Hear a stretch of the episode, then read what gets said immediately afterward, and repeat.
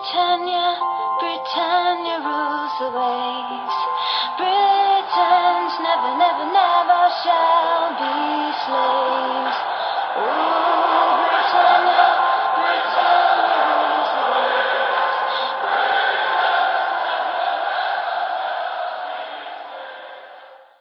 Hej och välkomna till Svenska FPL-podden avsnitt 226. Vi är som sagt igång i försäsongsstadie och Eh, tänkte spela in ett avsnitt där vi kikar lite på våra tidiga drafts. För precis som ja, många av er lyssnare gör så när spelet släpps så börjar man kolla på vad kan man få upp för byggen och sätter ihop någonting. Sen kan såklart mycket ändras fram till, till deadline som är den 11 augusti. Vi spelar in det här avsnittet redan Eh, tisdagen den 11 juli, så en månad.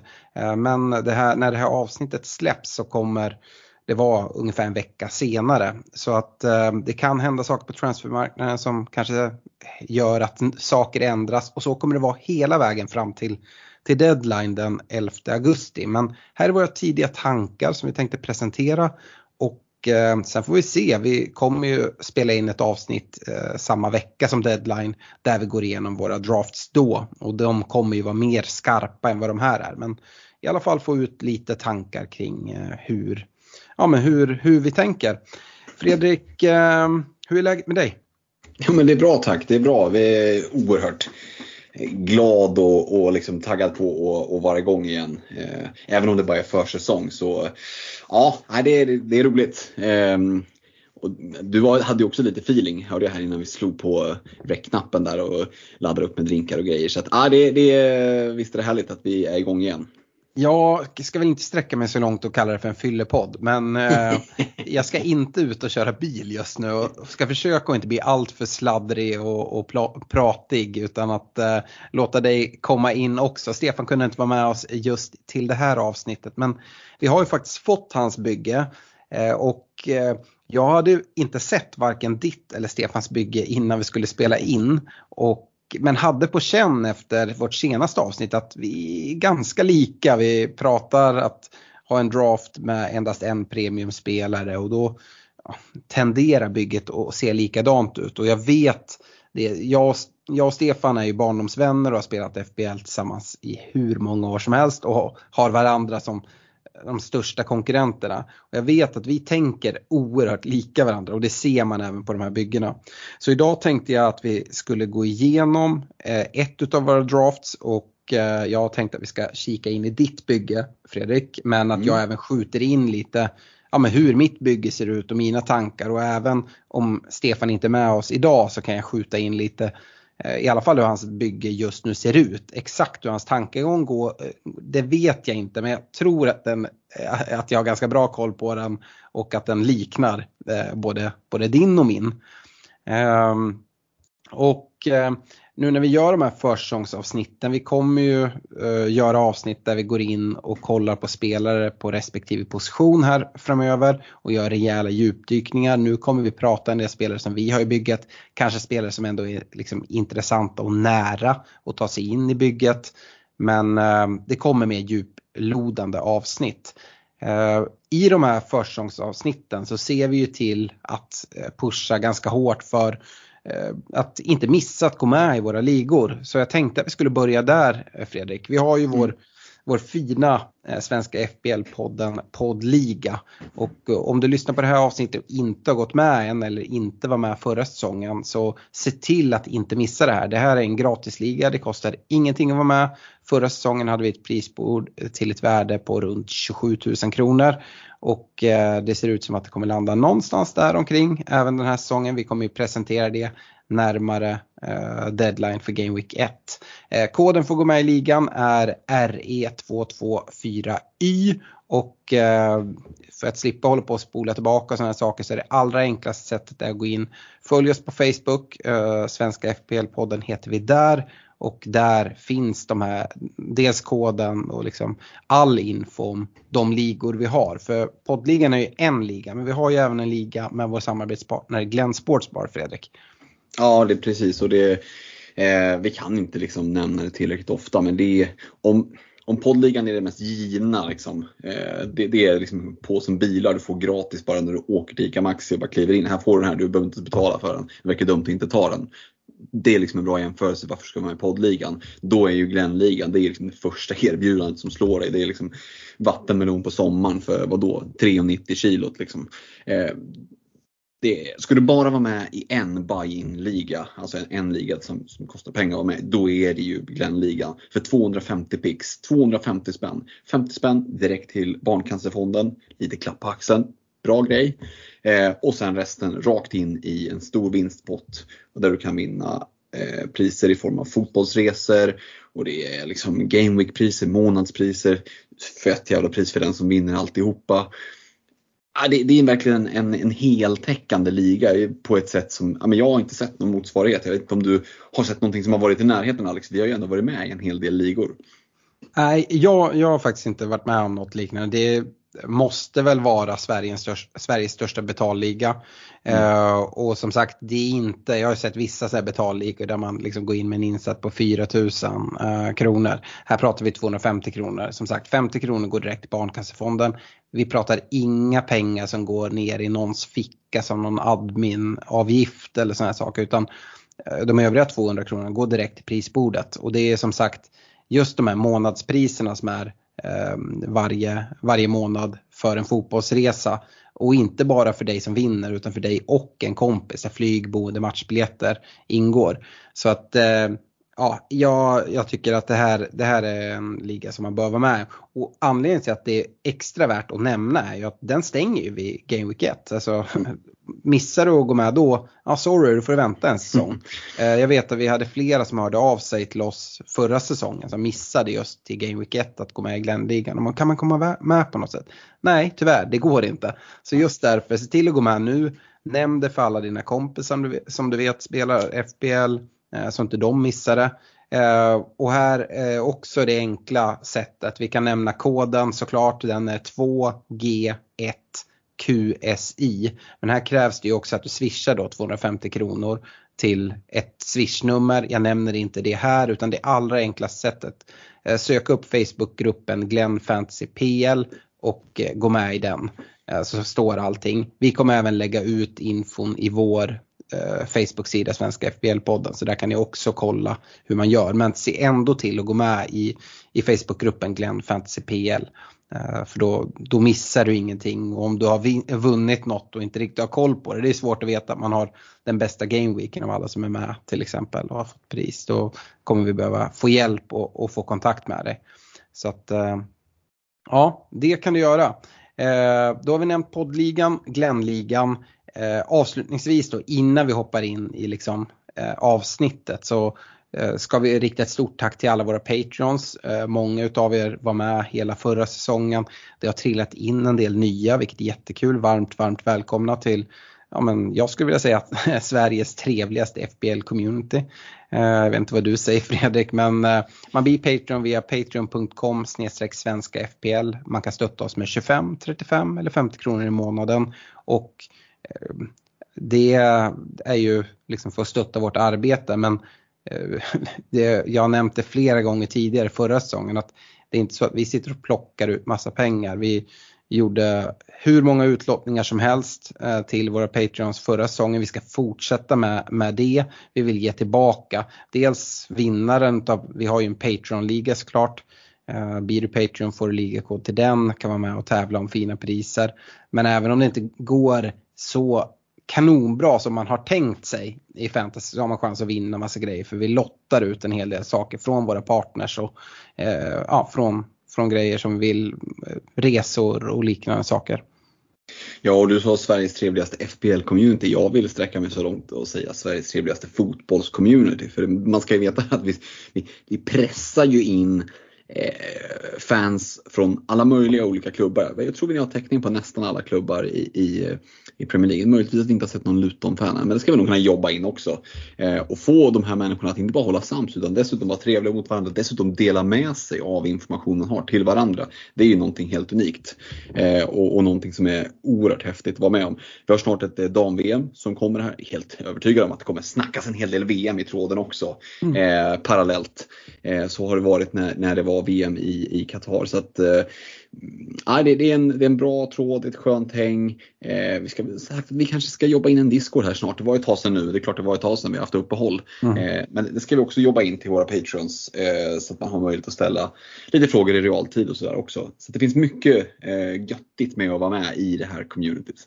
Vi har nämnt det många gånger förut, utöver de här fina priserna som vi liksom lottar ut och tävlar ut till våra Patreons så får man ju tillgång till, till vår Messenger-tråd där man kan ställa frågor direkt till oss i podden men även till övriga Patreons. Man får tillgång till en Discord-kanal där man också kan ställa frågor men där vi även kör eh, olika live-event där man som Patreon kan, kan gå med, ställa frågor. Det blir som en, en podd fast i ett samtal där du är en del av podden och kan, kan antingen bara sitta och lyssna med när andra ställer frågor eller skjuta in egna frågor eller funderingar, tankar. Vi kör ju såklart här eh, någon, någon Discord lite närmare eh, ligastarten där vi dels väldigt nära ligastarten presentera våra byggen eh, och verkligen eh, ja, men, nära in på deadline eh, så, att, så som de verkligen kommer se ut. Eh, men även om man vill ja, få få våra synpunkter eller andra Patreons synpunkter på sitt bygge eller olika spelar, tankar, vad tror ni om den här gubben? Är det någon som har koll på hur Brentfords eh, försäsongsform har sett ut? Sådana saker. Så um, ja, eh, får jättegärna stötta oss, patreon.com svenska FBL som sagt. Eh, sista, sista tillägg där Alex, mm. vi, vi ska ju såklart se till att råda i ordning ett eh, fett live-event på Glenn Sportsbar i Göteborg här Eh, Eh, under säsongen. Eh, förra året tog det väl tre dagar så var det fullt, 220 platser.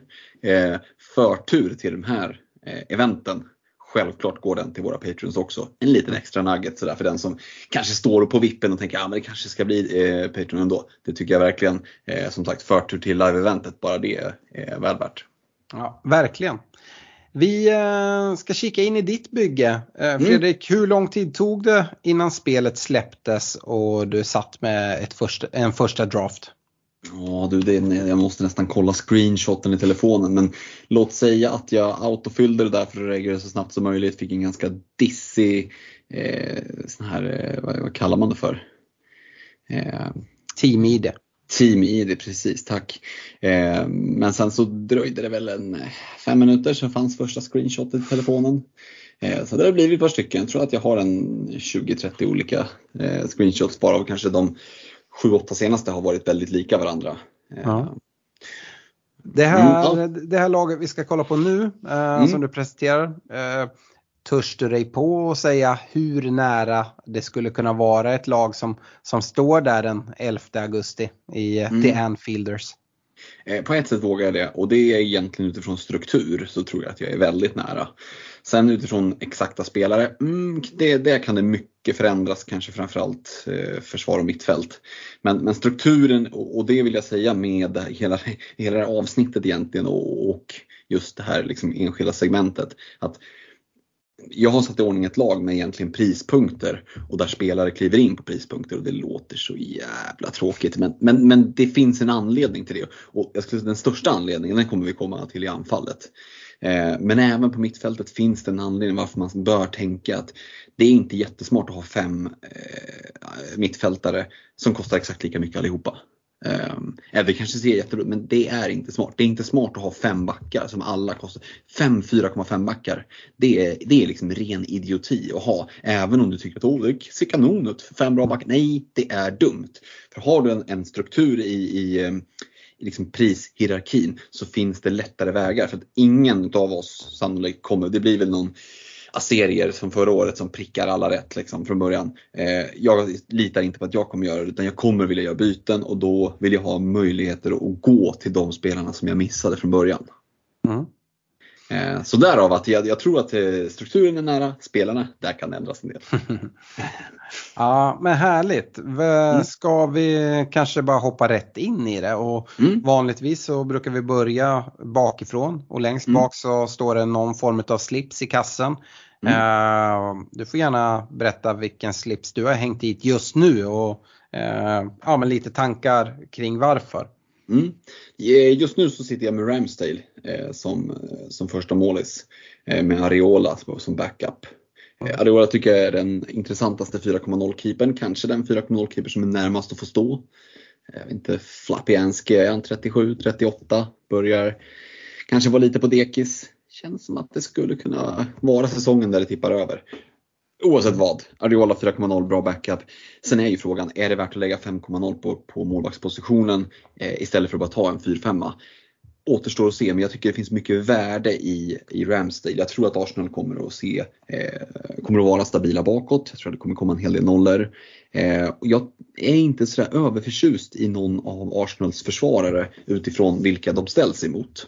Så jag tycker att Ramsdale gör ett starkare case mot de andra keepersna, för jag har ingen annan keepers med. Alltså kollar jag på och scrollar bland målvakterna så är det ingen av dem som jag känner att den där vill jag verkligen ha eh, för det priset. Eh, 5,5 för mig är helt ointressant. Eh, det är klart att det hade varit gött att få liksom en bra 4-5 men Ja, det, skulle kanske vara om en stil i Brighton visar att han håller liksom, första spaden och verkligen, ja men jag är nummer ett, spelar ingen roll vem ni värvar. Det skulle kunna vara en, en eh, alternativ väg att gå. Mm. Eh, men för mig är den tredje Arsenal pusselbiten just nu Aaron Ramsdale. Eh, och, ja, men jag tror att det skulle kunna vara så lång, nu, nu kan det bli ett tidigt wildcard men oavsett vad. Det är en sån här spelare jag kan spela i varje match. Arsenal kommer ha, de har alltid chans att hålla nollan liksom, oavsett vilka de möter. Mm. Um, Ja, våra, våra byggen eh, som sagt ser väldigt likadana ut men kollar jag ditt, mitt och Stefans lag så skiljer det sig faktiskt på målvaktsposten eh, hos alla. Mm. Eh, både du och jag har gått på Areola som eh, 4,0 bänkalternativ eller vad man ska säga. Det, det pratas ju som du är inne på i en hel del West Ham forum om att Areola mycket väl kan ta första platsen redan från Game Week 1. Uh, om inte annat att han kan ta över den någon gång under säsongen. Mm. Uh, jag vet det finns olika uh, sätt att tänka kring, kring målvaktsposten. Uh, för ett gäng år sedan så var jag en sån som ville ha två spelande målvakter. Eh, att man gick på 2, 4, 5 och som roterade bra. Eh, det kan även vara, vara bra att ha om det händer saker, att din målvakt skadar sig eller att eh, helt plötsligt, ja, men förra säsongen såg vi ett jättebra exempel att målvakter tappar sin plats. Mm. Och har man då två spelande målvakter då tvingas du inte till att göra ett målvaktsbyte som kan vara ganska tråkigt att, att liksom offra ett byte på. Bytena är ju oerhört värdefulla. Eh, problemet som jag har sett med det att ha två startande målvakter, det är att jag väljer fel målvakt varje gång. Eh, och det handlar ju mycket om att man försöker liksom förutsäga vem har störst chans till nolla. Eh, men sen slutar det med att båda släpper in ett mål kanske. Och den som då hade tuffare match, ja men den har fått fler räddningspoäng. Och, ja, men jag uppfattar det, jag vet inte om du delar den här tanken med mig, men att det blir fel nästan hela tiden. Och det blir ett jobbigt val varje vecka, vem ska mm. ställa i mål? Mm.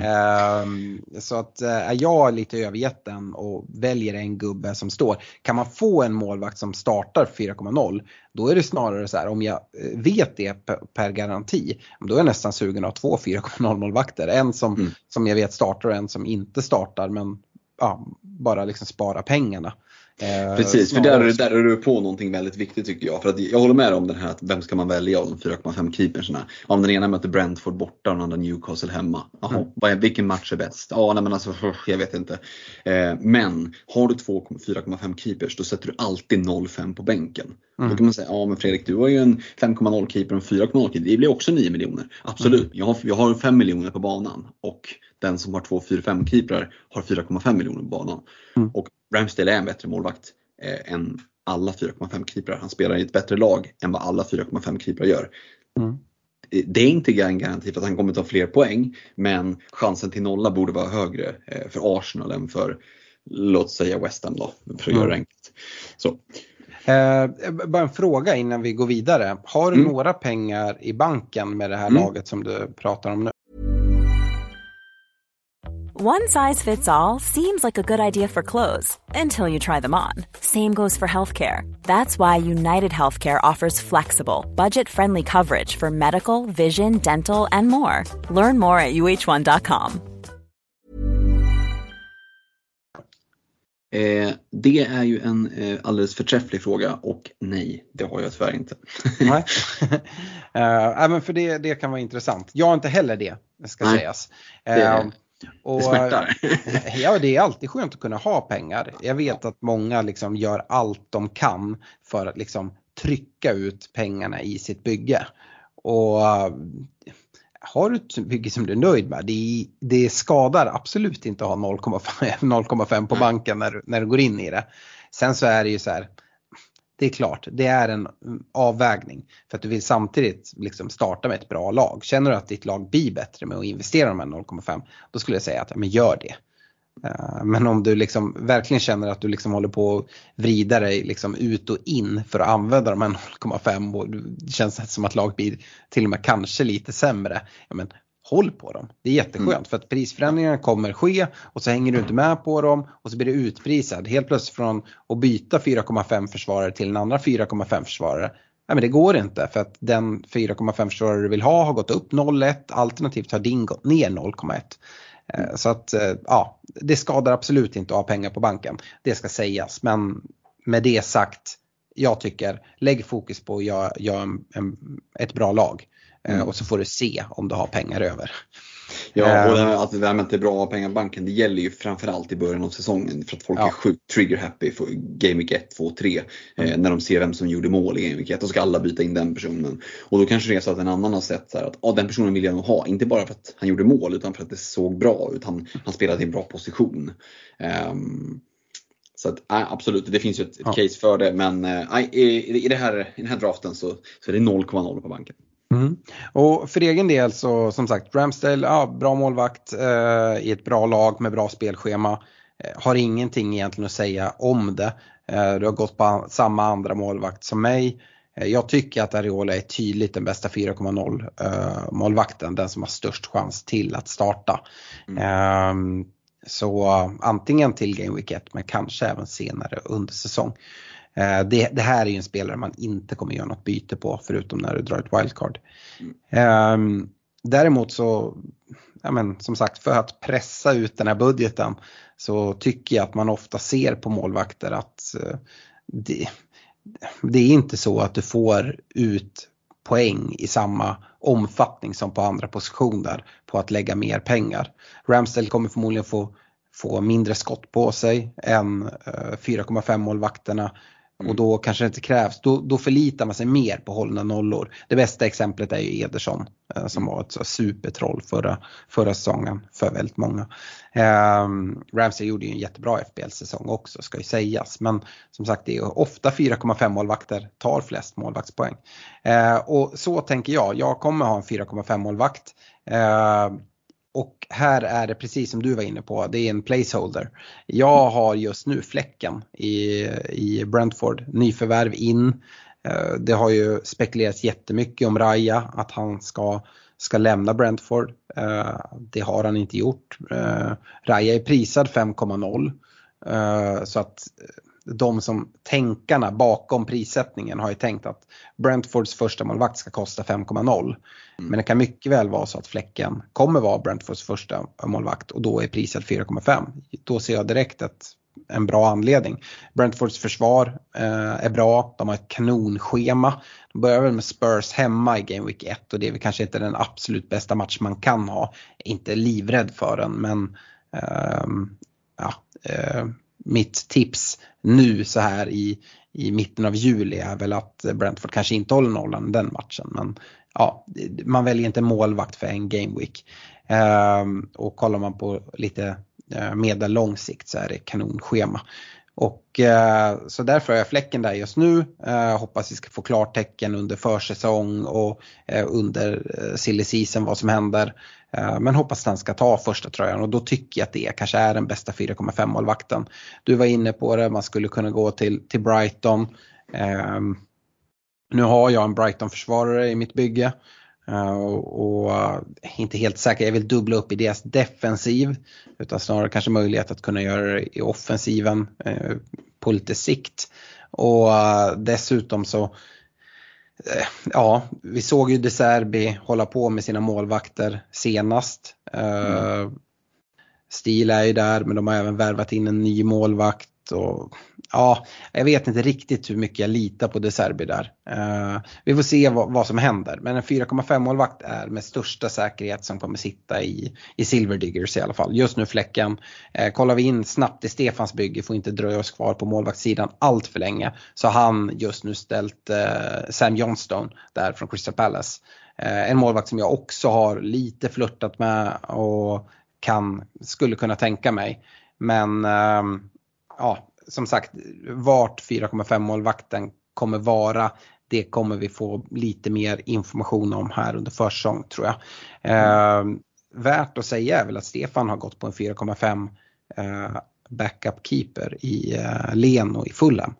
Eh, mm. Se just i det här bygget eh, mm. som han har skickat. Eh, vilket jag lite förvånad över. För det är inte likt Stefan att han är också som mig sådär att hålla på och försöka rotera målvakter. Att det, det brukar bli fel.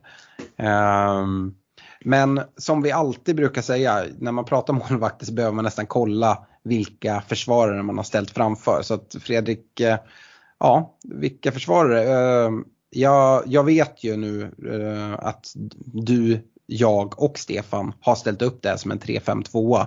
Så det är tre försvarare eh, men sen så ska vi även prata eh, de som sitter på bänken. Så du får gärna gå igenom din försvarslinje. Mm. Och de tre som då får äran att vara liksom startspelarna för min egen del det är Luke Shaw, det är John Stones och det är Estopinian i Brighton. Tre välkända namn från förra säsongen. Eh, Luke Shaw med sina fasta BPS-magnet, alltså tar mycket bonuspoäng. En John Stones som eh, får kliva fram ganska mycket i banan. Eh, nickstark, ja, man gjorde en del mål på huvudet sådär. Mycket Eh, ja, men hörner och, och, inlägg och så. Eh, ganska målfarlig och, och, när han får kliva fram så får han ju servera en del passningar också. Lite sådär som får lite Aspilicueta-känslor liksom på hans, han kan leverera fram passningar eh, från eh, fornstora dagar. Eh, och Estopinian, eh, förra årets, ett av förra årets stora utropstecken i försvarslinjen. Eh, Stefan nämnde ju det i, i förra avsnittet där att det är oerhört hög ägarandel och jag tycker absolut inte att det är ett måste på honom. Eh, får se hur Brighton ser ut lite här nu men de har ju så fint inledande schema så det är liksom eh, jag har ingen lust att bli straffad där. För mig är det ett cover pick som det ser ut just nu. Att, eh, han kommer säkert vara jättebra, de har ett bra inledande schema. Ehm, så de tre känns ganska svårflyttade för egen del eh, inledningsvis. Jag tycker att de, de erbjuder liksom bra värde. Alla tre har, har ganska fina scheman inledningsvis. Offensiva hot på alla tre ja, det skulle kunna bli double digits eh, någon av de första gameweeksen på någon av de tre och då, då har jag för avsikt att, att vara där och hämta hem poängen. Mm. Mm, ska jag gå vidare och redogöra för hela backlinjen? Kanske? Ja men gör det, ta mm. avbytarna också. Ja och eh, första avbytaren där det är den som ska sitta på första kvisten. Eh, och nu är vi verkligen nere på det här med prispunkter. Det är en 4,5 försvarare. Just nu i talande stund så tycker jag att Matty Cash är den bästa 4,5 försvararen. Ett Aston Villa som under Unai Emery eh, verkligen liksom seglade upp som ett riktigt bra lag. Av någon anledning så är han 4,5, Alex Moreno 5,0. Kan inte riktigt förstå den. Eh, nog för att det kan finnas viss liksom, differens, men jag tycker den här marginalen, Cash har gjort det bra. Kan inte se att hans speltid skulle vara liksom mer hotad än Morenos. Um, så att, nej, Matty Cash för 4,5. Det skulle när vi börjar närma oss kunna vara en annan 4,5. Jag tycker det finns en hel del bra. Du har en Bottman, alla möjliga olika. Um, men uh, en 4,5 försvarare som på första kvisten, det känns i dagsläget som en ganska bra avvägning och just nu så är det Matty Cash. Och sen är det en 4,0 försvarare. Eh, just nu Hjalmar Ekdal. Svensk hjärtat. Ja, men det är klart det är svensk hjärtat så. Vi, vi har ju alla liksom sett den där knallorangea Bell i Luton. Eh, ägarandel på då 25% ish. Eh, luktar ju, tre, luktar ju liksom price drop direkt liksom på att han inte spelar eller typ bara släpper, Luton släpper in massa mål så kommer folk att skeppa honom. Så där har man väl för avsikt att ha en, en 4,0 med, med lägre TSB, lägre ägarandel. Eh, och det är inte omöjligt att vi under försäsongen får se några fler 4,0 som får spela. Eh, och Ja, det, det, kan ju vara en 4,0 back i ett bättre lag som går till eh, ett sämre lag än Nico Williams från förra säsongen till exempel. Eh, då kan det vara nice att kliva in där. Har dock inga problem med att min 4,0 försvarare är i princip icke-spelande eh, för han ska sitta sitta på bänken och jag räknar iskallt med att inte behöva mer än en bänkplats. Så att eh, Estopinian, Stones, Shaw i, i startelvan och sen en 4,5, 4,0 på bänken just nu, Matti Cash och Hjalmar Ekdal. Mm. Eh, det här kommer jag säga flera gånger men det påminner mycket om, om mitt bygge. Eh, jag har också Luke Shaw eh, och Estupinian. Mm. Däremot har jag ingen City-försvarare. Jag har gått på, på Gabriel. Det är min Arsenal-täckning i, i försvaret då jag inte mm. sitter med en 5,0 målvakt. De kostar ju lika. Gabriel är ju 5,0 fast står som försvarare såklart. Mm. Han är inte målvakt, då hade jag inte valt honom. Sen har jag faktiskt Reece James på bänken. Mm.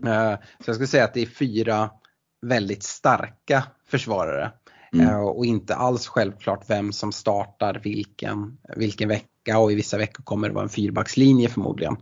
Ehm, jag gillar att ha en riktigt, riktigt bra eh, första bänkspelare och sen så är jag beredd att ha en eh, liksom andra och tredje bänkspelare som är ganska liksom, fullständigt värdelösa. Mm. Ehm, så, så har jag tänkt. och min femte gubbe, det vill jag ha en 4,0 försvarare och här, jag har lite svårt att bestämma mig. Eh, just nu har jag gjort en grej som, ja, jag vet inte om det är korkat eller genialiskt, men jag har gått på en annan Chelsea-gubbe i Gusto. Eh, som är liksom den andra högerbacken i Chelsea. För det första man får emot sig från folk när man, när man väljer Reece James, ja men han kommer bara skada sig. Och så är det liksom ett byte waiting to happen. Ja, då har jag ju hans ersättare. Vill jag, vill jag hoppas och vill jag tro. Um, och ja, så har jag tänkt. Problemet med det jämfört med att ha en 4,0 försvarare som, som startar varje vecka det är ju att om det blir massa rotation att eh, jag kommer behöva min andra bänkspelare. För min tredje bänkspelare är någon som jag vet absolut inte kommer få en enda sekund den här säsongen. Mm. Och det kommer vi komma till längre fram. Men um, ja, som det är just nu så har jag egentligen bara en bänkspelare. Um, och det är i Game Week 1 just nu Reece James då. Som har Liverpool hemma. Um, jag gillar uppsidan med Reece James något oerhört. Sen om det är Reece James till Game Week 1 eller om det är Ben Chilwell mm. eller någon annan 5,5 spelare. Det vet jag inte riktigt. Går jag på Ben Chilwell så kommer jag såklart inte sitta med Gusto som min 4,0 försvarare utan då kommer det vara någon annan. Ehm, men det får försäsong avgöra. Jag gillar i alla fall tanken på Reece James. Vem vet? Kan han vara straffskytt Chelsea? Mm, det... Um, undrar vad Pochettino tänker där. En, ja. kunko, en kunko måste väl kliva in eller? Ja, det måste han verkligen inte. Uh, jag, jobb, jag, jobbar hårt för, för, uh, för Reece James där. Uh, ja. Ja, oavsett, det man kan konstatera här är att jag inte har någon backning i City-defensiven. Eh, och absolut, jag skulle kunna ha John Stones istället för eh, Reece James eller eh, Chilwell. Eh, men ah, jag vet inte, jag har valt att inte liksom eh, stänga den tredje cityplatsen. Jag har två citygubbar i offensiven. Eh, men i defensiven har jag ingen just nu. Jag har lekt lite med tanken att ha Ake som en 5,0 försvarare. Mm. Eh, men lite så här som sagt, Silly är öppet. Vi hör rykten hela tiden om en Guardiol som kan komma in som kommer påverka Akes speltid. Men kan även påverka andra City-försvarares speltid. Jag tycker det, det, är lite stökigt. Det man också ska känna till eh, jag vet inte hur mycket man ska göra utav det men det är ju att eh, City har ju superkuppen. Eh, Europeiska superkuppen mot Sevilla var det vann, som vann Europa League tror jag. Mm, mm. Eh, ska iväg till Grekland och spela här mitt i säsong. Eh, är det mellan Game Week 1 och 2? Mm, kan det vara det? Stämma. Ja, ja. Eh, kan det vara så att liksom resande och grejer påverkar och helt plötsligt en spelare som man tycker känns given i liksom startelvan som en John Stones eller en Diaz eller något så här. Skulle de kunna få liksom en, en vila i ligan? Ja, eventuellt. Uh, liksom in med den här city-huvudvärken. Uh, ännu mer. Uh, jag tycker det finns så många bra alternativ. Då har jag valt att göra så här till en början. Det ger mig också möjligheten att gå på en liksom trippel city offensiv om jag, liksom den andan faller på utan att göra ett byte. Ehm, så så ser det ut just nu. Med det sagt Mm. skulle det kunna vara så att det sitter en City-gubbe när vi kommer till Game Week 1. Det är liksom, jag håller alla dörrar öppna. Ehm, men så är tanken i alla fall. Ehm, sen bara för att skjuta in lite kring, kring ditt tal om ja, men dina gubbar och så här. Att Cash är prisad 4,5 och Moreno 5,0. Där gillar jag Moreno betydligt mer än Cash. Mm. Så där skiljer vi oss en del. Mm. Eh, värt att säga är dock att Moreno är gulflaggad. Eh, han drog väl en hamstring i slutet av förra säsongen. Vi kommer ju få mer information till Game Week 1 kring den hamstringen såklart. Men är det så att han är frisk så gillar jag honom oerhört mycket. Jag gillar Emerys villa och deras försvar. Och eh, jag tycker Moreno är betydligt bättre spelare än Cash. Både för offensiv utdelning men kanske framförallt för säkerhet. För här pratar vi eh, Pau Torres som ja, men ska väl flyga till, till Birmingham vilken dag som helst och när den här podden släpps kanske han redan är presenterad.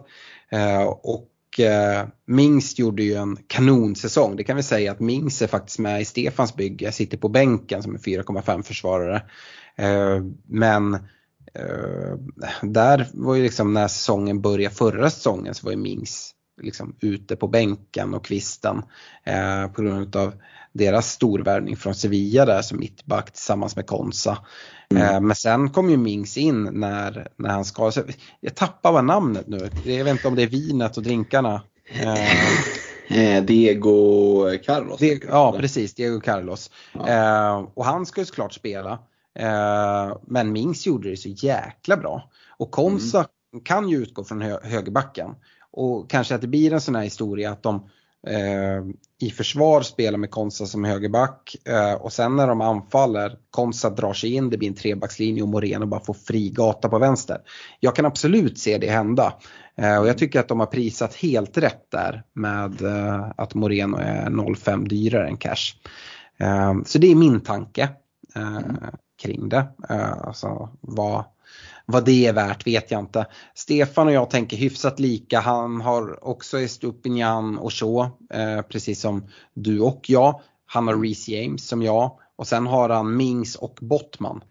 Eh, så att eh, Bottman tror jag vi kommer se ganska många byggen. Eh, den Newcastle-försvarare som vi förväntar oss starta som kostar 4,5. Eh, och Newcastle framförallt hemma är ett oerhört bra försvar. Eh, har man pengar skulle man ju vilja gå upp till en Fabian Kär eh, kan jag känna. Men är det så att han ska sitta bänk mest hela tiden, ja men då kanske Bottman eh, liksom går att nöja sig med. Det enda som är är väl att Newcastle har ett lite så här halvdant startschema. Och jag skulle kunna se med så många som startar med honom att han kanske skulle kunna sjunka i pris. För det är många som kommer kanske till och med vilja starta Bottman i sin startelva varje vecka. Det har ju inte Stefan men han kommer ju ändå åka på en eventuell värdesänkning om det skulle vara så. Ehm, Så därför har jag inte riktigt gått dit än. Ehm, Luktar ju fint att plocka in en Bottman i Game Week 6 där när, när Newcastles riktigt fina spelschema 4,3. kom. 4,3. Folk har flytt skeppet.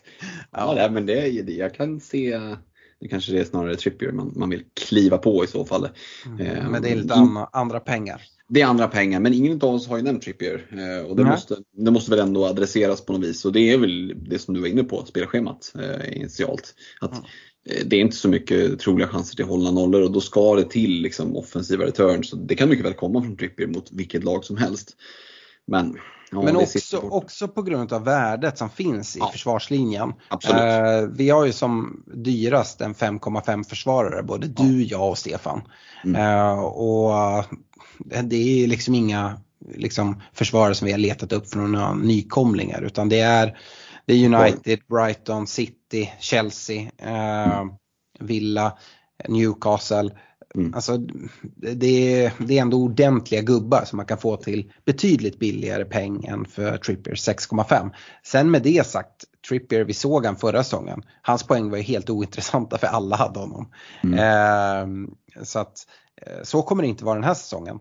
Eh, så jag tror absolut att det kan finnas värde längre fram under säsongen att kliva dit.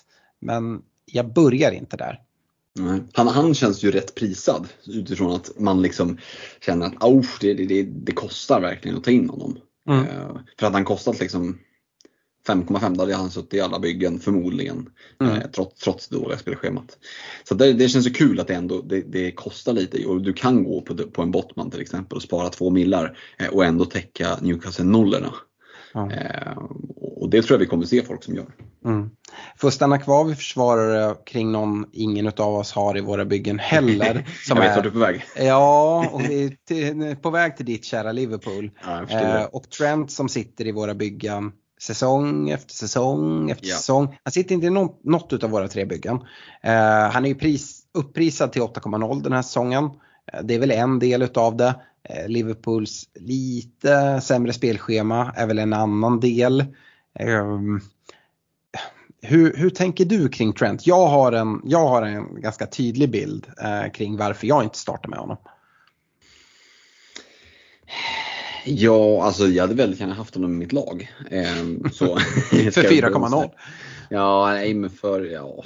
Så jag hade kunnat tänkt mig haft honom i mitt lag för 8,0 men, men eh, om man bara ser isolerat på det, det är faktiskt inte problemet. Problemet är ju det värdet du får på andra spelare som jag i min värld tycker kostar 5,5. Som mycket väl hade kunnat kosta kanske 6 miljoner till och med. Eh, och jag hade fortfarande varit intresserad av dem. Nu är det väldigt stort hopp. Jag bara liksom lekte med tanken om jag tar bort eh, tar bort eh, Luke Shaw och sätter in Trent. Eh, då, då får jag nedgradera ganska rejält på mittfältet. Ja, du ska Eh. hitta 2,5 någonstans. Mm, precis. Och, och ja, det kommer komma till på mittfältet sen vad det skulle behöva göra med det. Så det känns inte aktuellt i dagsläget. Och, och det är väl lite liksom det inledande spelschemat som jag inte tycker är super. Också den här osäkerheten kring hur, hur eh, Liverpool kommer se ut. Vi får ju nu en försäsong med lite matcher och, och se och sådär. Eh, men ja, jag känner ändå att det är man får offra väldigt mycket om man ska trycka in honom och det, han kommer ju göra en, en del eh, Mm. bra grejer, det, det är jag helt övertygad om. Men det kommer också de här 5-5 backarna att göra.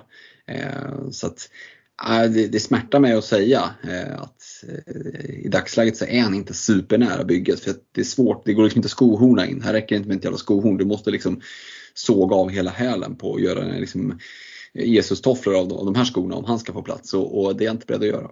Mm. Du vill inte ha Kina-kopian Robertson eller eh, van Dijk, jag kanske är hård här. Men alltså han är, normalt sett så är de prisade typ samma. Nu Ja. skiljer det 1,5 mellan Robertson och Trent. Det skiljer 2,0 mellan Trent och van Dijk. Van Dijk som förvisso är mittback men har ett oerhört offensivt hot. Kanske en av de försvararna i spelet som har absolut störst offensivt hot av mittbackarna. Ja, och, och eh, tror nästan att jag kanske, om jag var tvungen att välja nu mellan att plocka in van Dijk och, och, Robertson skulle nog van Dijk gå före. Eh, för Robertson hamnar lite i ett limbo där med 6,5 en mille dyrare än de här som vi pratar om i Shaw, Stones, och Reece James och Ben Chilwell. Ja, där, det känns tungt att, få- in Robertson, speciellt då om Liverpool ska spela med honom som någon form av, liksom, att han får kliva ner och täcka lite mittback. Då, då känns det helt ointressant. Mm. Ehm, så att nej, eh, Robertson känns, känns iskall just nu. Det kan ju såklart ändras. Det kanske är Mm. så att Klopp återgår till 4-3-3 och han bara öser på framåt och Liverpool har en bra säsong. Eh, då kan det visa sig vara liksom, den spelaren man vill gå till. Men jag känner inte så just nu. Utan, eh, nej, alltså det är klart att de där Liverpool-backarna har en tendens att, att skina liksom, rent FPL-mässigt. Eh, när de ligger där i skålen. Liksom. Men, men eh, just nu så, så håller jag faktiskt händerna borta. Mm. Ska jag lägga till mina tankar kring Trent Mm, som absolut. du ändå inte har nämnt? Mm. Eh, dels var vi väl inne på det i förra avsnittet att det är väl en, en mindre del än den andra. Men den mindre delen är att ni har värvat bra fasta situationer spelare i både Mm. Soboslaj och McAllister. Eh, och eh, just alla fasta situationer har betytt oerhört mycket för Trents BPS, alltså hans Mm. liksom, intjänande av bonuspoäng. Ehm, och eh, alltså det oroar i alla fall mig lite grann. Mm. Men det andra är som sagt, jag tycker att spelschemat är inte kanon för Liverpool. Hade det varit liksom hade Liverpool haft det absolut bästa spelschemat då hade jag varit mycket närmare att gå på Trent. Jag säger inte att jag inte kommer äga Trent under hela säsongen. Eh, han kommer säkert leta sig in eh, på något sätt. Men jag ser heller inte, jag ser noll risk på att vi liksom Game Week 2, 3, 4, 5, 6 kommer se någon värdeökning på Trent. För det kommer vara helt omöjligt för folk att göra den lösningen. Att mm eh, gå från, som du säger, någon av sina 5,5 försvarare till Trent på ett vettigt sätt. Även om man gör det väldigt bra så kommer folk bara köpa det. Eh, däremot se tvärtom. Är det så att Trent kanske inte kommer iväg med de här poängen, för han behöver ju prestera enormt för att han ska vara värd mer än de här ja, de här pengarna som han kostar mer än de gubbar vi har nämnt. Mm. Uh, och gör han inte det så är det den enklaste vägen någonsin för att skapa pengar. Du kan nedgradera honom till en av de här 5,5 försvararna som vi har nämnt eller 5,0 eller till och med en 4,5 som är, som är riktigt bra och helt plötsligt ha utrymme för att göra ja, men ganska galna saker. Helt plötsligt kanske mm. om du börjar med Trent så skulle du kunna Eh, liksom ta bort honom, gå ner till en 4,5 försvarare och så kanske du helt plötsligt kan lösa Sala in i ett bygge som du mm. startar utan.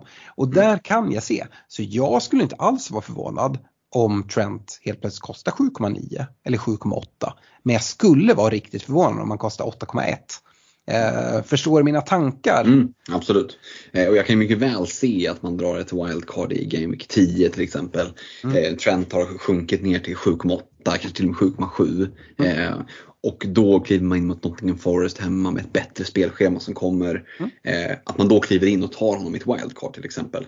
Eh, utifrån att laget kanske inte sett superbra ut men man kan ändå se tendenser. Liksom. Eh. Och förstå mig rätt, jag garanterar absolut inte att Trent kommer sjunka i pris. Men jag ser Nej. risken för det. Ja, eh, samtidigt som jag inte ser någon risk att han ska stiga i pris. Och jag mm. kanske får käka upp där. Men anledningen till varför spelare stiger och sänker i pris det är ju beroende på hur många spelare som byter in eller byter ut spelaren efter liksom att spelet har dragit igång. Mm. Och eh, får nämna det, du pratar om wildcard. Alltså byten in när folk drar wildcard, det påverkar inte prisförändringarna. Nej. Så att även när folk drar tidiga wildcard och kanske hoppar på Trent om man nu gör det superbra så kommer inte det göra att han ökar i pris. Så att Ja, så går i alla fall mina tankar. Eh, mm. Sen får de vara lite crazy, jag vet inte. Eh, nu har vi pratat lite Liverpool eh, mm. innan vi går vidare på mittfältet. Vi kanske dröjer oss kvar alldeles för länge här. Men, men jag skulle vilja skjuta in ändå för att det är mm. ändå så nära skulle jag vilja säga och också kanske lite hoppas att Onana signar för United. Mm. Eh, och då du ändå har en 5,0 målvakt, jag vet inte vad du säger, min förväntan är att Onana kommer gå in som prisad 5,0. Mm. Jag, jag, tycker att Ramsdale är underprisad. Det är tre keeprar på 5,5 just nu. Eh, mm. och det är ju Allison och det är Ederson och sen är det Pope där. Tycker mm. att Ramsdale också borde ha varit 5-5. Eh, jag tror inte att eh, någon annan kliver in på, på 5-5. Det tror jag absolut inte. Utan 5,0 låter ju högst rimligt. Mm. Då blir han ju ett alternativ. Jag är dock, man ska säga, jag är betydligt mycket mer förtjust i Luke Shaw som FPL-tillgång än vad jag är i någon av Arsenal-backarna. Och det gör liksom att den där United-platsen är lite mer åtråvärd än tredje mm. Ehm, just nu. Än vad liksom... Hear me out. Mm. Uh, Ramsdale och Luke Shaw kostar 10,5 tillsammans. Uh, Ramsdale 5,0, Shaw 5,5. Uh, Onana, säg att han hamnar 5,0 nu som jag vill tro att han ska hamna. Jag tycker inte att han ska vara dyrare än Ramsdale.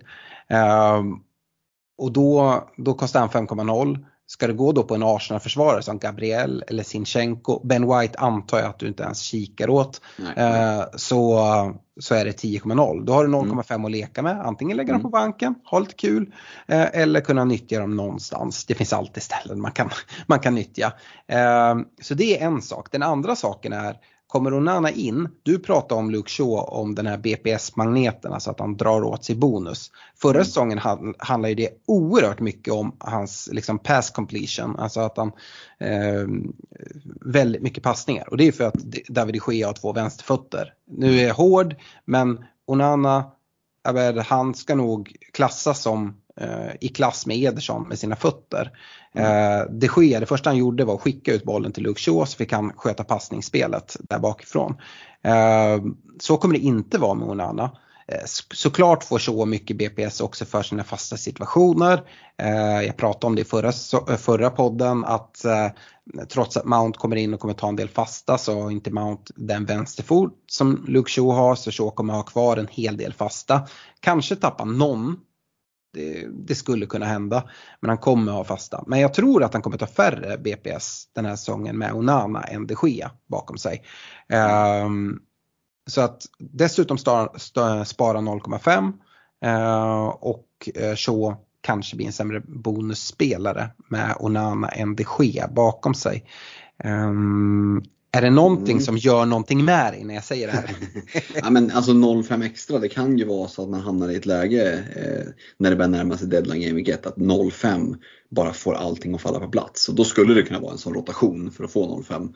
Mm. Eh, jag gillar den eh, inte så mycket ändå utifrån att jag tycker att Luke Shaw är en väldigt mycket bättre FPL-spelare än vad Arsenal-backarna är. Eh, är inte så, för jag har inte den där förälskelsen som du har i, i, eh, i Gabriel. Eh, Saliba är ju förvisso bra. Nu får vi väl se liksom, hur, om han håller över hela säsongen. Det ska bli spännande att se honom. Sinchenko, det är klart. Liksom, men det är, Sinchenko är en sån där som det är mycket snack och så i slutändan är det inte så jävla många fantasypoäng ändå. Så man, uh, han är liksom fattigmans Cancelo på något vis.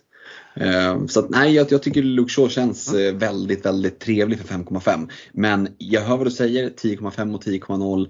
Eh, jag ska ha det i bakhuvudet där om jag behöver en extra 0,5. Ehm, för jag, jag känner mig ändå trygg med att Onana kommer in på 5,0. Mm. Så att, ja, det, det, är spännande för återigen då är vi där på prispunkter att växla emellan. Mm, spännande. Yes. Eh, ska även skjuta, skjuta till det. Du pratade om eh, Matt Cash som bästa liksom 4-5 alternativ, även en Bottman. Jag skulle vilja få med Rico Henry i Brentford mm. om man nu inte går på, på fläcken. Eh, han är någon som har varit i mina tankar om jag ska gå på en 4-5. Jag gillar Brentfords spelschema oerhört mycket. Ska du göra om samma misstag och inte gå på Pinnock igen förra säsongen? Alltså? Absolut, i så fall. uh, nej men så, så tänker jag i alla fall. Mm. Eh, men vi ska leta oss framåt och nu Fredrik blir det ju oerhört enkelt nu när jag väl har sett ditt bygge. Eh, ja. När vi pratar mittfält och anfall. För vi har ju exakt kopia på våra fem startande mittfältare och våra två startande anfallare. Men vi mm. börjar med mittfältet. Eh, berätta hur våra lag ser ut på mitten. Ja men precis, jag, tänker, jag berättar hur jag tänker så får du komplettera med det som du har tänkt och som jag inte har tänkt på men som kanske ja, kommer på köpet så att säga. Eh, jag tycker att det finns ett, eh, en spelare som är tokgiven och det är ju Bukayo Saka. Vi, vi var inne på att eh, i förra podden att han är underprisad och han är ju, mer jag tänker på det så, så känns det som att han är en miljon underprisad. Jag tycker att han hade känts given för 9,0 också eh, i bygget liksom. Eh, förmodligen hade han nästan varit given för 9,5 men, men det, hade känts, liksom, det hade känts lite mer i plånboken men jag hade behövt lägga en mille till. Eh, jag hade nästan önskat att han kostade 9,5 så att färre hade valt honom. Om jag ska vara helt ärlig. Men Saka känns dundergiven. Eh, och sen med eh, Uniteds eh, inledning eh, så har jag valt att dubbla upp med Bruno Fernandes och Marcus Rashford i dagsläget.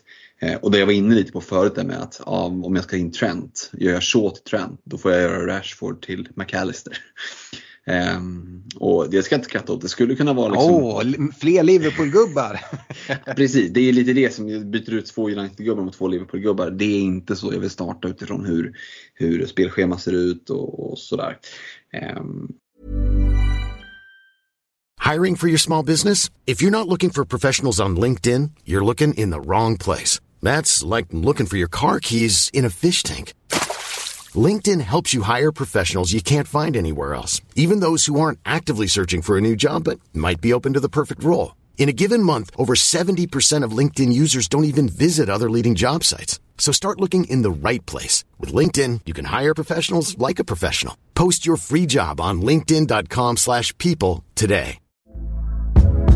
Hey there, it's Michelle Norris. I'm host of a podcast called Your Mama's Kitchen. When I travel, I'm usually looking for a way to find a taste of home when I'm not at home. And one of the things I love to do when I am at home is entertain. And Airbnb allows me to do that. When I was in California recently, I rented a house that had a great kitchen. And when we were sitting around the table, we're all thinking, we're in someone else's house. Someone could be in all of our homes as well. If you have a home, but you're not always at home, you have an Airbnb. Your home might be worth more than you think. Find out how much at airbnb.com slash host.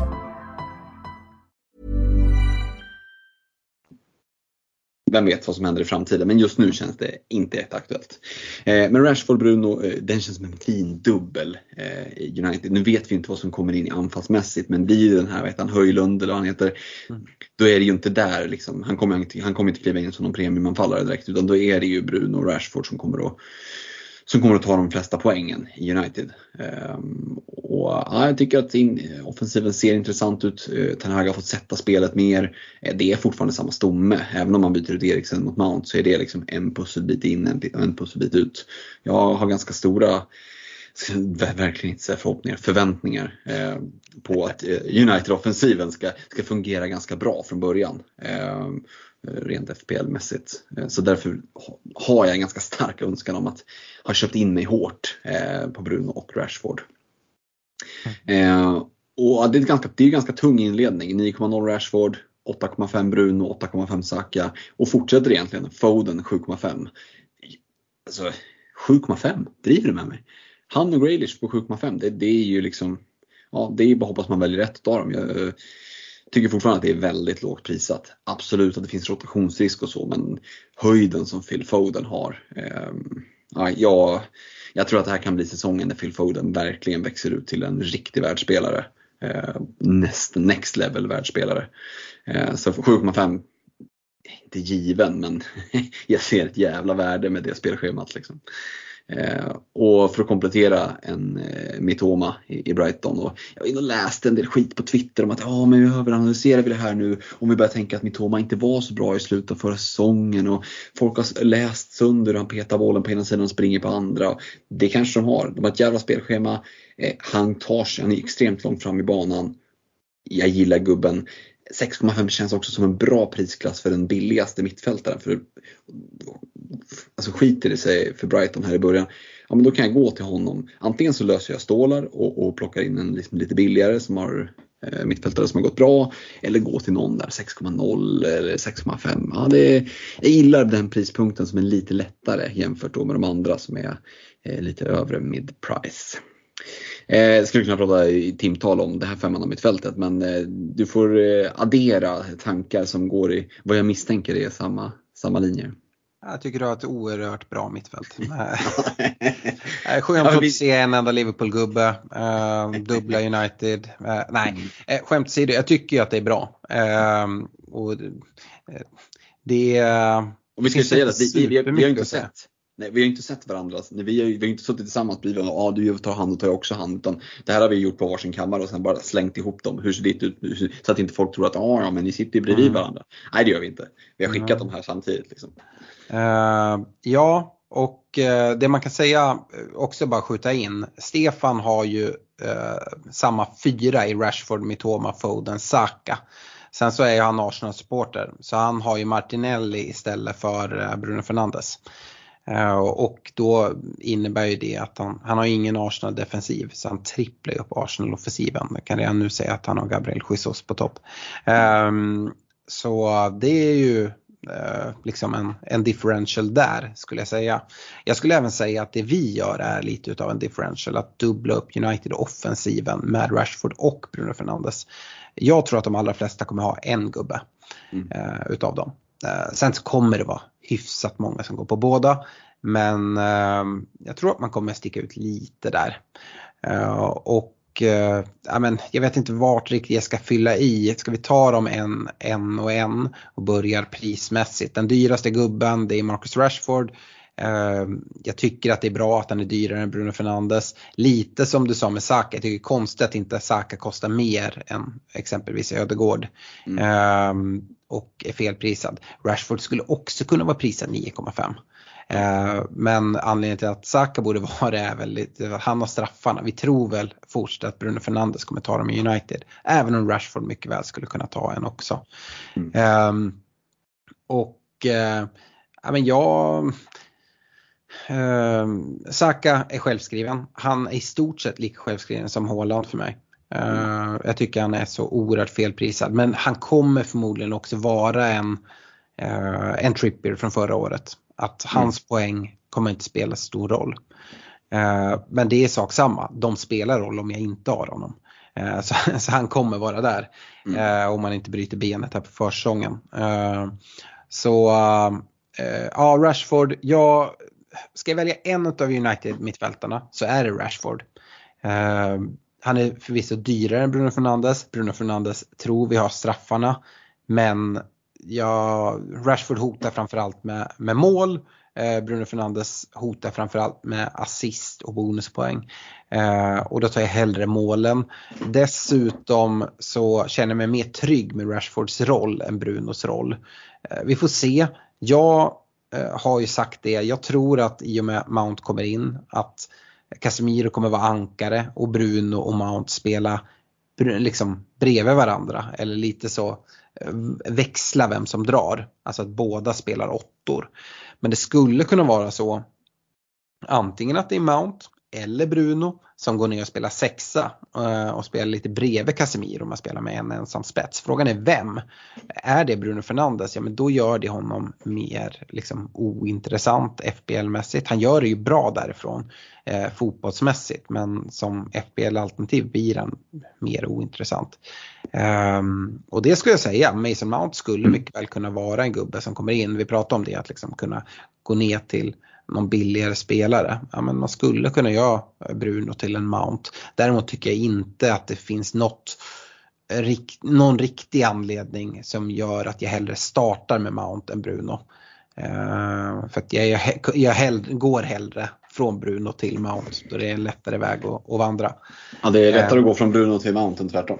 Ja, uh, så att så är det väl det. Men jag skulle säga att Bruno kanske är lite så här, han har varit in och ut ur mitt bygge. Jag har faktiskt lekt med tanken att sitta med ganska mycket pengar på banken eh, och istället för Bruno ha eh, exempelvis en Emboemo för 6,5 eh, och sparar jag 2,0 eh, och kollar på mitt, mitt bygge så är jag inte sugen att använda dem. Eh, så det skulle kunna vara ett alternativ att jag bara går med Rashford eh, och Shaw som United-spelare. Mm. Um, och är det så att Höjlund kommer in så blir det intressant att se vad han är prisad som. Um, jag tror uh, tyvärr 6,5? 8,0 tror jag. Tror du det? Oj oh, jävlar. Uh, det, det, tror jag. Som United solklar uh, ett, nia. Äh, nia mm. tror jag att han kommer prisas så. Uh, och då är det lite för pricey tror jag. Alltså är han prisad 6,0, 6,5 då är han rätt in i mitt lag kan jag säga. Mm. Uh, och tror han kommer vara det i många. Jag tror att han kommer hamna 7,5, 8,0 uh, mm. någonstans. Uh, men det skulle kunna liksom göra om då att jag går liksom från Bruno. Ehm, men ja, så är det nu i alla fall. Rashford, Bruno, Saka, där har vi liksom avklarat dem. Eh, får bara prata lite mer kring Saka. Eh, vi har Martinelli som är 0,5 billigare, vi har Havertz som är 1,5 billigare, vi har Ödegård för samma peng. För mig handlar det inte om att liksom ställa Saka mot någon av de här. Eh, utan eh, ska man gå på någon av dem som Stefan har gjort i det här fallet med, med Martinelli så är det för att liksom spetsa som ett eh, liksom ytterligare alternativ i offensiven. Att liksom dubbla upp mittfältet på Arsenal. Eh, jag ser inte det som ett alternativ. Det vet jag att Stefan också tänker att Saka ska ingenstans och jag kan inte täcka Saka med en Martinelli. Utan eh, nej, Saka kommer vara där. Mm. Uh, Foden, du var inne på det. Uh, 7,5 uh, kostar, hon, kostar han. Det är sådär, jag vet inte. Ehm, jag, jag, tror ju, han har fått mer och mer speltid för varje säsong utav Pep. Mm. Eh, jag tror att det kommer fortsätta. Eh, han, många av hans konkurrenter blir äldre. Han blir också såklart äldre, men han är ju ung. Mm. Och dessutom så pratas det om att Kevin De Bruyne kanske missar inledningen. Ja, är det säkert att Foden tar den platsen? Nej, det är det väl inte. Alvarez skulle mycket väl kunna ta den, vi såg det förra säsongen. Men Foden kan spela där och kan göra det bra. Eh, nu har de värvat in Kovacic istället för Gündogan som försvann till Barcelona. Men Foden kan ta den platsen. Eh, Foden kan även ta platsen ute till höger där, eh, där Mares eh, och Bernardo Silva spelar. Både, både Bernardo Silva och Mares har det pratats om eh, liksom och ryktats lite att de ska iväg. Nu har det väl liksom lugnat sig lite med de ryktena men eh, jag kan absolut se att Foden kan gå in där. Han har så många alternativ att liksom utgå ifrån. Så jag Mm. tror att Foden kommer starta eh, ganska mycket här i inledningen och då tycker jag att det är en bra spelare. En annan sak är att ja, men, minst nio lag av tio kommer ha Haaland. Eh, City har det absolut bästa spelschemat av alla lagen. Det är det absolut bästa laget. Tar emot att säga det som United-supporter men så är det. Eh, och vill jag då sitta, ja, men så Haaland kommer ha eh, liksom ett effektivt ägande som är så vansinnigt högt. Att bara ha Haaland, även om du har binden där, det är ju bara att sitta och hoppas att City inte ska göra några mål. Mm. Eh, vilket vi vet de kommer göra. Jag vill ha dubbel City-offensiv. Uh, och då tycker jag den bästa vägen in är Foden eh, som komplement till Haaland. Så att eh, ja. Sen så som sagt det blir en annan sak när Kevin De Bruyne är tillbaka. Vi får se vad som händer på transfermarknaden. Men ehm, just nu känns Foden rätt gjuten och har gjort från, från början. Mitoma 6,5. Eh, det skulle kunna vara en annan 6,5 spelare. Jag gillar att gå på Brighton offensiven så i början. De har tre fina matcher i början. Jag tror att de har de, eh, tre hemmamatcher de första fyra matcherna vilket jag gillar. Eh, och eh, om det blir med Toma, ja, det vet jag inte. Men jag är sugen att ha någon Brighton mittfältare där. De kostar ju 6,5 eh, allihopa. Mm. Eh, det skulle mycket väl kunna vara, nu har de sålt eh, McAllister till Liverpool. Mm. Så den här tian, det har ju pratats om en Siso tycker jag väldigt mycket. Han är ju prisat 5,5. Ja, vi kanske ser han ta den rollen eh, på försäsongen och gör han det bra, ja, men då kan man spara 1,0 och gå på honom. Men eh, någon det inte har pratat så mycket om som jag vet står väldigt högt upp på liksom De Serbis lista som spelare, det är ju Pascal Gross. Som tog, tog massa poäng förra säsongen, tog straffar, tar mycket fasta situationer. Ser vi att han tar tian på försäsongen, alltså då går han före Mitoma för mig. Mm. Så att, alltså om det är Mitoma eller om det är Pascal Gross eller om det är Solly March eller om det är en Siso. Men jag tror att det kommer vara en Brighton mittfältare. Eh, men det skulle också, som jag var inne på tidigare, kunna vara en Mboemo eh, i Brentford. Jag gillar deras spelschema oerhört mycket. Mm. Se om det kommer in någon anfallare där kanske på, på uh, silly här, återstår att se. Mm. Lite oavsett tycker jag att Mboemo är intressant. Mm. Eh, det är ju sådär att vi såg förra säsongen när de spelade 4-3-3 när Tony var borta. Så var det ju ofta vissa som startade centralt Ja. och Mboemo utgick från kanten. Som liksom en ytterforward. Men han gör det oerhört bra därifrån. Eh, det är snarare när de spelar med två anfallare som Mboemo är en av anfallarna. Eh, så ja, men på straffar som det är just nu eh, skulle jag säga i Brentford. Eh, och fint spelschema är väl Mm. framförallt. Mm. Ja, Eh, det är mittfältet. Ja, jag ska nämligen lägga till där att jag har ju mixtrat en del. Du nämnde att det inte var någon, någon Liverpool-spelare på mitt mittfält. Jag är ju sugen på Luis Diaz. Eh, vet, jag nämnde det i förra podden också. Eh, och då är det ju någon av United-spelarna som får stryka på foten i så fall. Och då kommer det loss lite pengar. Jag är inte helt säker på vad jag skulle göra med de pengarna om jag ska vara helt ärlig. Eh, de- skulle mycket väl kunna hamna på banken och bara liksom hållas där. Eh, det är ju tråkig första match och det är ju tråkigt att plocka en Luis Diaz och sätta honom på bänken. eh, det lär inte hända. Det är inte ens säkert att han startar första, första matchen ska du se. Nej, vi får ju se en försäsong sen. Men- Men jag känner mig rätt trygg med att han är en del av, alltså, av första elvan. Sen finns det ju mycket spelare att rotera med. Mm. Men, men han är den som har överlägset högst höjd om man jämför med, med vad han har att konkurrera med skulle jag säga. Eh, Mm. Men det är väl mer fysisk status och sådär att man vill att han ska helst inte gå sönder i september och vara borta till, till april. Liksom. Nej. Och och jag tror ju det oavsett om han är hel eller inte så har jag oerhört svårt att se att han kommer ha fler minuter när vi summerar säsongen än exempelvis de här United-mittfältarna som du nämner i Rashford och, och Bruno. Mm. Um, så det är väl liksom också en sådär grej. Jag gillar att se minuterna och även om man ingår i första elvan så kan jag absolut se att han byts ut tidigare än vad Rashford och Bruno gör och att liksom det käkas minuter och sådana saker. Och jag vill ha mina spelare på planen. Uh, sen så, jag håller ju helt med dig. Jag älskar spelaren uh, Luis Diaz. Uh, och Ja, det är, det är en spelare, jag tror att hade han inte varit skadad förra säsongen så hade dels Liverpool haft en bättre säsong. Jag tror att han hade varit prisad betydligt högre mm. för jag tror att han mm. hade gjort det bra. Så att jag, jag förstår dina tankar med det. Uh, men jag, jag, tycker att du är helt rätt om du nu håller dig till det. Att inte starta med honom utan att uh, jag kan gå dit senare i så fall. Det, det, är ett bra tips till alla som lyssnar på det här att ha en liten watchlist sådär med spelare som, som, eh, ja, men som inte tar, letar sig in i den där elvan som, som, som trycks in och, och låses in när deadline görs. Eh, ja, men ta bara en sån grej som om man inte sitter på någon av Chelsea-försvararna, Reece James och Ben Chilwell, så vet vi ju det att mellan omgång Game Week 3 och Game Week 8 så har Chelsea ett kanonschema. Eh, och låt säga att de börjar bra Game Week 1, Game Week 2 och det ser fint ut. Pochettino har fått ordning på det där. Men då skulle det kunna vara läge att smyga in på någon av dem lite lätt från någon av eh, 5-5 backarna man redan sitter på. Till exempel Luis Diaz, ett annat sånt exempel. Låt säga att Liverpool bara rusar ur startblocken och, och han ser kanonfin ut.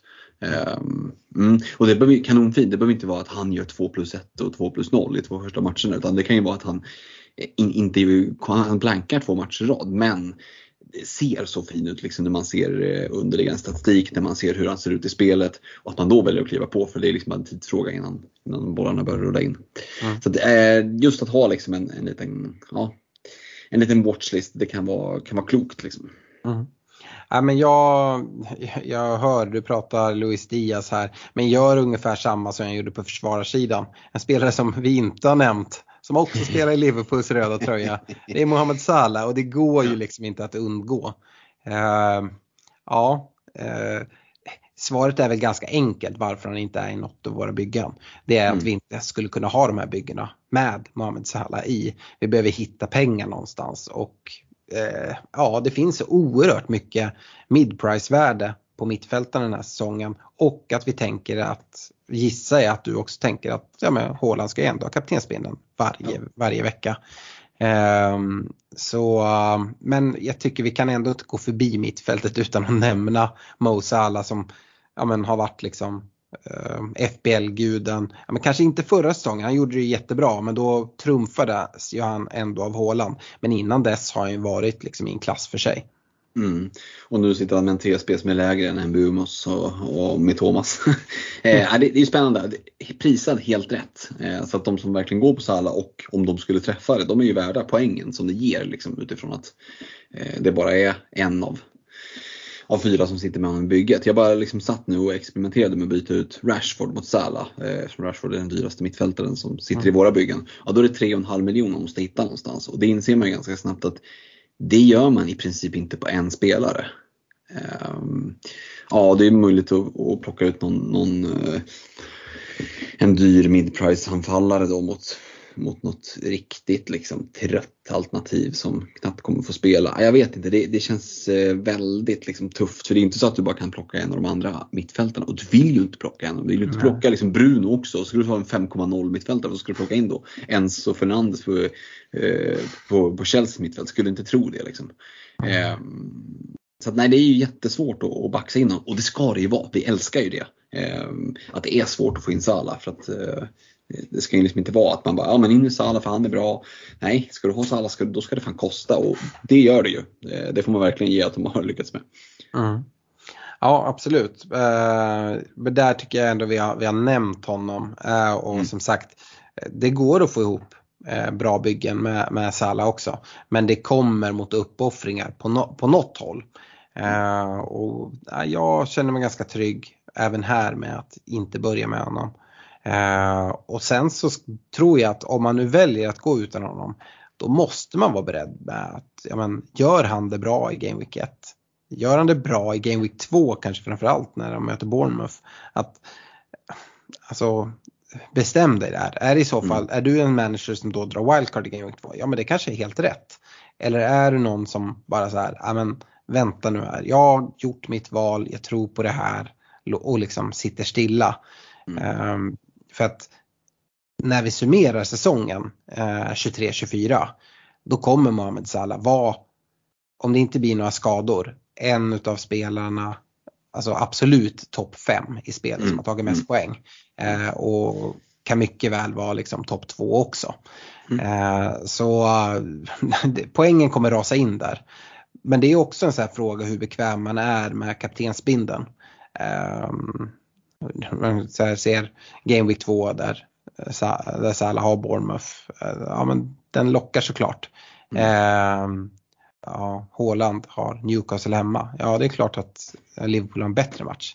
Men alltså, jag, jag kommer inte vara så här, åh nej, jag måste det binda Haaland eh, hemma på Etihad mot Newcastle. Utan det är ju ett hattrick waiting to happen i vilken match som helst. Ja, ja. Eh, Så att det är snarare så att hade jag haft Salah och, och Haaland och satt binden på Salah hade jag varit livrädd för att se City-matchen. ja. Eh, Så att eh, även om man då Även om jag kanske tycker att Salah är ett bättre kaptensalternativ för just den enskilda veckan. Eh, Men som sagt, Citys schema är bra och jag känner mig trygg med att bindla Haaland. Ehm, Så därav har jag gjort det valet. Mm.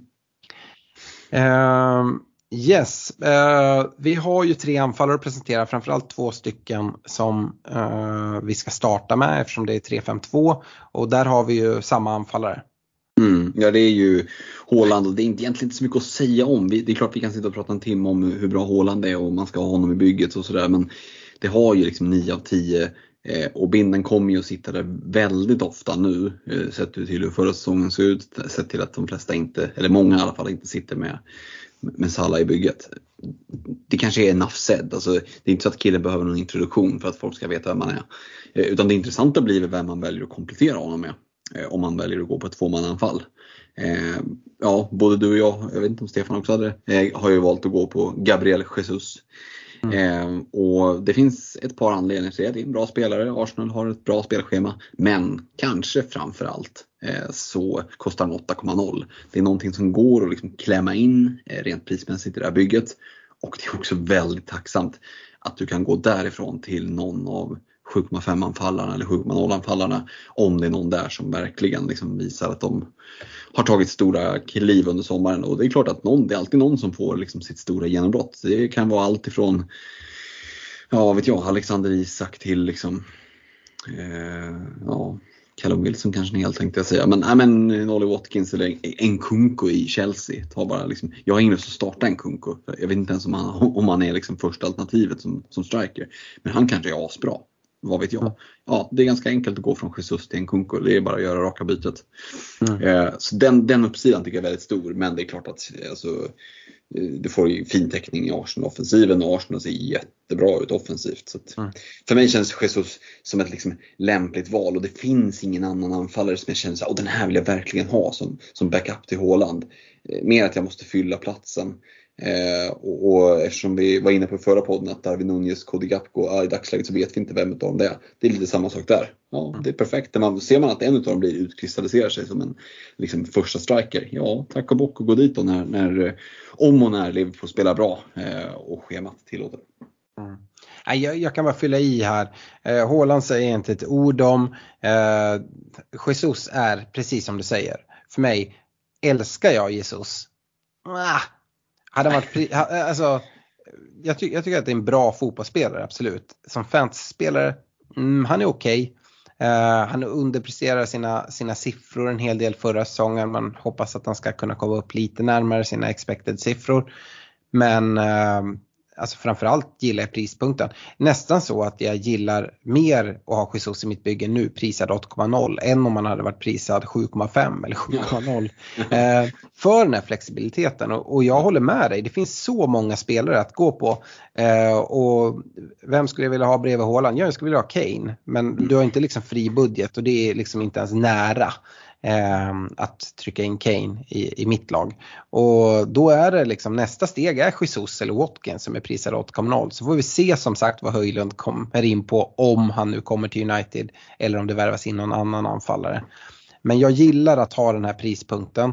Eh, du har redan nämnt några att gå ner till. Ehm, eh, Nkunku är väl liksom den stora, eh, jag vet att det är många som, som ser ut att börja med honom. Och det kanske är bra. Och, men grejen är att man kommer inte behöva stressa heller. För går han upp till 7,6 så är Jesus ändå dyrare. Mm. Uh, det är det jag menar att hade Jesus kostat 7,5 då hade man kanske tvingats göra tidiga byten för att liksom gå till en spelare som Nkunku. Um, samma med Darwin Nunez, uh, Cody Gakpo som kostar 7,5. Uh, Alexander Isak kostar 7,5. Det är egentligen bara Watkins som kostar samma som Jesus 8,0. Och Wilson också är väl 8,0. Mm. Ehm, men liksom att det sidledsbytet ser jag inte riktigt jag ska göra. Ehm, sen har du ju som sagt, det kan ju vara så att någon billigare spelare blir, blir supertydlig. Ehm, vi har eh, Evan Ferguson i Brighton. Mm. Vi har Awoni i Forest, eh, prisad 6,5 som gjorde det kanonbra förra säsongen. Um, Calvert Lewin kanske får en säsong utan skador, vem vet? precis, prisad 6,0. Så att alltså, det, finns, det finns spelare där under. Uh, och Jesus är perfekt att liksom kunna, uh, ja, men, kunna nedgradera uh, till den spelare som tydligt utkristalliserar sig för att vara liksom, ja, den man ska gå på. Uh, och det är väl samma med mittfältet, nu nämnde vi inte det. Men Chelsea-spelarna är oerhört snällt prisade den här säsongen. uh, så att även att börja med de här prisbilderna på mitten gör ju att det är enkelt att gå från någon av dem ner till en Chelsea-mittfältare. Uh, Sterling är väl dyrast vid 7,0. Mm. Um, så att Eh, när Chelseas spelschema ser riktigt bra ut. Som sagt, det, det är mot Liverpool i Game Week 1 men sen. Och ja, är det så att vi ser att Pochettino får, får ordning på det där laget, det finns ju kvalitet där, så kan det ju vara så att man vill, vill dit både via en, via en, en Kunko eller på mitten. Mm. Så ja, så går tanken. Och sen så har vi ju alla tre gått på en 4,5 anfallare. Ehm, du har Archer eh, i ditt lag eh, och eh, spelar i Villa. Fick ju lite minuter för, förra säsongen så man kan få man kanske kan räkna och få någon poäng här, eller där. Men det gäller också, du kommer ju aldrig starta honom, så det gäller Nej. att just den veckan då du behöver få in från bänken att han ska få ett inhopp. Eh, och det, den, den chansen är ganska liten. Därför har både jag och Stefan tänkt likadant. Vi har gått till Everton och till Sims. Och vadå Everton? Han spelar ju i Coventry. Ja, det har han. Han har ju bytt, bytt klubb. Eh, och det gör ju att hans pris är låst. Så, för det värsta som finns när man går på en sån här spelare som man inte ska använda överhuvudtaget, det är att de sjunker i pris. Och byter de klubb, då låser FBL liksom priset på den spelaren. Han kan varken stiga eller sjunka i värde. Eh, och därför har, har jag gått på Sims. Jag tror att det är samma anledning som, som Stefan har.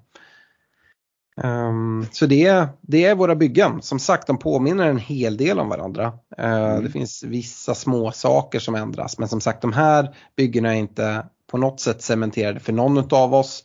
Uh, vi kommer såklart få uppdatera våra Patreons i uh, hur, vi, hur våra tankar går i och med nyförvärv som kommer, hur försäsong ser ut, skador, Uh, och, och, liknande saker. Dessutom så kommer vi spela in ett avsnitt på deadline-veckan kring hur, hur bygget har förändrats fram tills dess.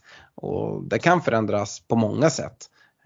Um, så helt plötsligt kanske vi sitter där med både Salah och Trent uh, i våra byggen av olika anledningar. Mm. Uh, det är inte lätt att komma dit men, men det går och det finns ju absolut case för att göra det.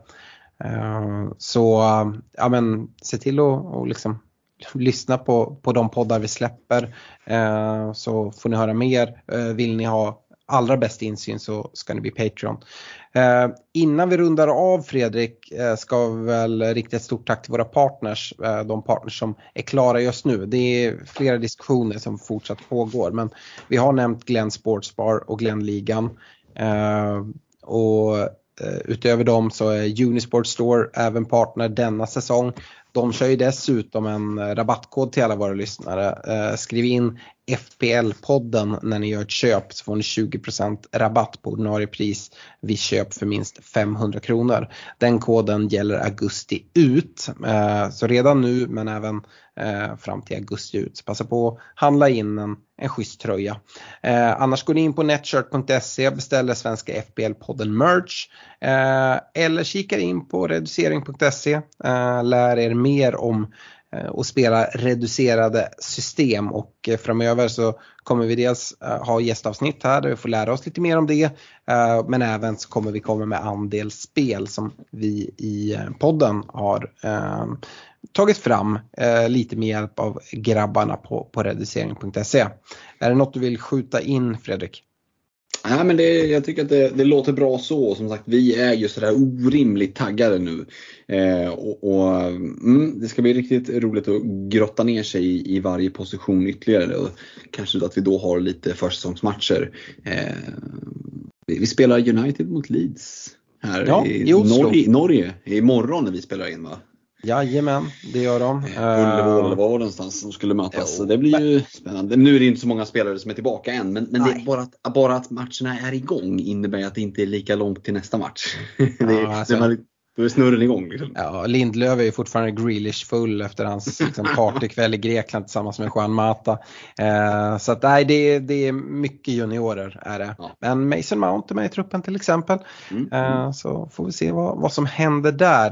Eh, ett sista medskick då innan vi släcker ner eh, för det här avsnittet är eh, se till att eh, följa oss på Facebook, Svenska FBL-podden heter vi där. Se till att gå med i Facebookgruppen Glenn Fantasy PL och gå med i Glennligan innan deadline.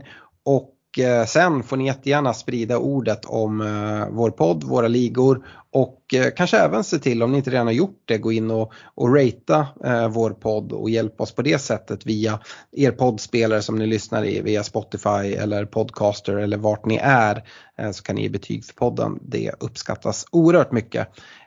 Men fram till nästa avsnitt så riktigt ett stort tack till att ni har lyssnat. Så på återhörande. Hej då! Ha det gött. Ciao.